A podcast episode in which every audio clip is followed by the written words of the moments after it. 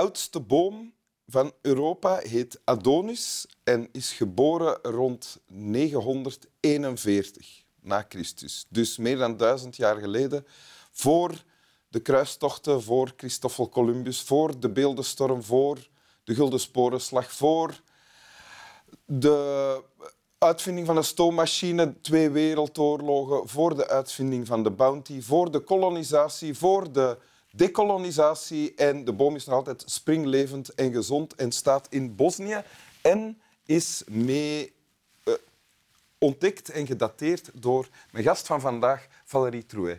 Klopt hè, wat ik zeg? Het klopt, um, alleen staat hij in Griekenland. Uh, ah. in het is een Bosnische pijnboom, maar hij staat in Griekenland. Oké, okay. ah ja, jammer. maar al de rest klopt. Ja, want, en je hebt ermee gedateerd, want je bent uh, dendrochronoloog of chronodendroloog. Hoe, uh, Dendrochronoloog, ja. Dendrochronoloog, dat betekent... Dat betekent... Je, bent, je, bent, je, bent bio-ingenieur en je bent dan gedoctoreerd. En je vakgebied was de dendrochronologie. Dat klopt. En dat gaat over het dateren van hoe oud bomen zijn.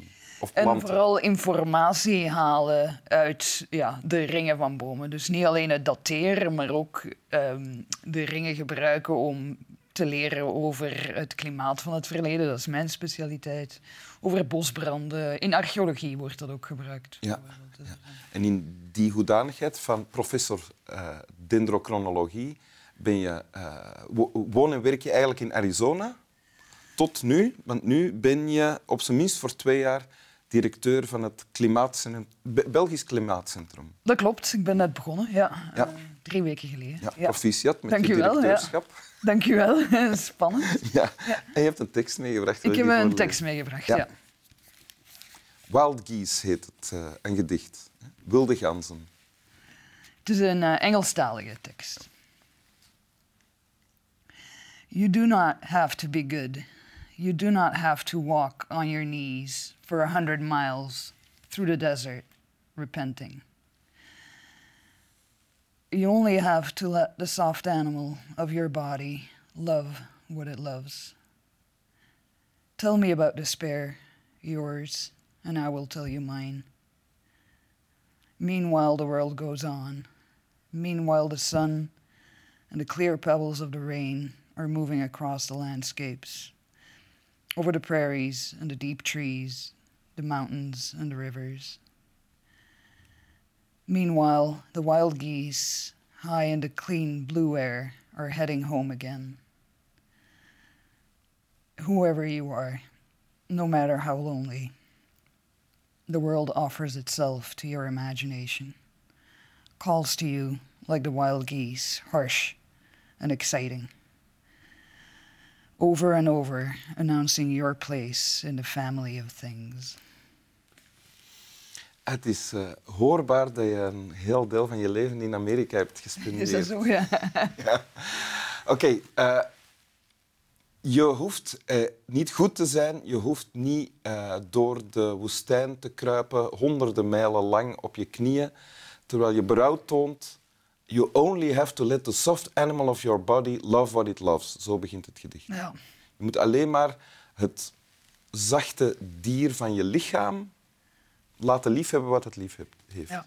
ja. Dat is je enige taak als mens. Ja. voor mij is het gedicht over het, over het leven, over um, la condition humaine. Ja. wij, het leven is een geschenk. Je moet niks. Je moet niet goed zijn. Je moet niet boete doen. Eh, jouw taak als mens is... Ja, let the soft animal of your body love what it loves. Lief hebben. Genieten. Ja. Maar dat is dan wel de, de menselijke conditie natuurlijk. Dat wij aan de andere kant ook bewustzijn hebben. Mm En ja, dat wij ook altijd op zoek zijn naar betekenis en mening. En dat voor ons dikwijls niet genoeg is om alleen maar uh, lief te hebben. Ik heb nog een, ja, want als je, het, als je zegt je hoeft alleen maar uh, lief te hebben of te genieten, in uh, dit gedicht word je uitgenodigd of word je als lezer uitgenodigd om te genieten van wat er rondom je is qua natuur en landschap. Heel erg, ja. Uh, the world goes on, the sun and the clear pebbles of the rain are moving across the landscapes. Ja. De, over the prairies, ja over the prairies and the deep trees, the mountains and the rivers. Ja. En daar raken we ook aan jouw Ja. werk eigenlijk. Ja, dat is waarom dat dit gedicht mij ook echt raakt. Want ik, ben, ik bestudeer de omgeving. Ik bestudeer bomen en bergen en het weer. Ehm, en ik haal daar he- heel veel betekenis uit. Dat is voor mij heel belangrijk. Dat is heel belangrijk om enerzijds doet u dat wel nietig en klein voelen. Ja? Maar anderzijds haalt er ook, haal je er ook troost uit. Als, als alles verkeerd loopt, hoe eenzaam je ook voelt, de wereld gaat door. De wereld draait wel door. En waar haal, wat je, doet. waar haal je troost uit dan? Het, ehm, de, de- enerzijds draait de wereld door, maar ook zoals zij op het einde zegt, de- kondigt ook jouw plaats in de wereld aan. En dan komt het eigenlijk terug naar het begin.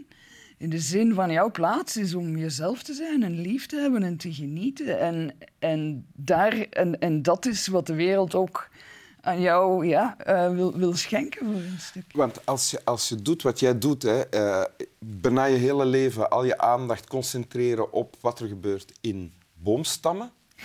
En daar heel veel informatie Ja. uit halen en leren welke informatie je daaruit kan halen. Ga je jezelf dan ook niet heel klein Absoluut. en, misschien, en eigenlijk betekenisloos voelen? Ja, absoluut. En dus, dus dat evenwicht, enerzijds voel je je heel klein, hè, want je bestudeert bomen van 1000, 5000 jaar oud. Iedereen die geschiedenis bestudeert, denk ik, beseft hoe kort ons eigen leven en je eigen bijdrage is. Hè? Dus je voelt je klein en, en, en nietig, maar ergens geeft dat ook troost. In de zin van dat, dat alles wat je voelt en hoe erg de dingen ook kunnen lijken op sommige momenten, dat dat ook wel weer voorbij gaat. En dat het ook maar onderdeel is van een... Dat iedereen onderdeel is van een veel groter geheel.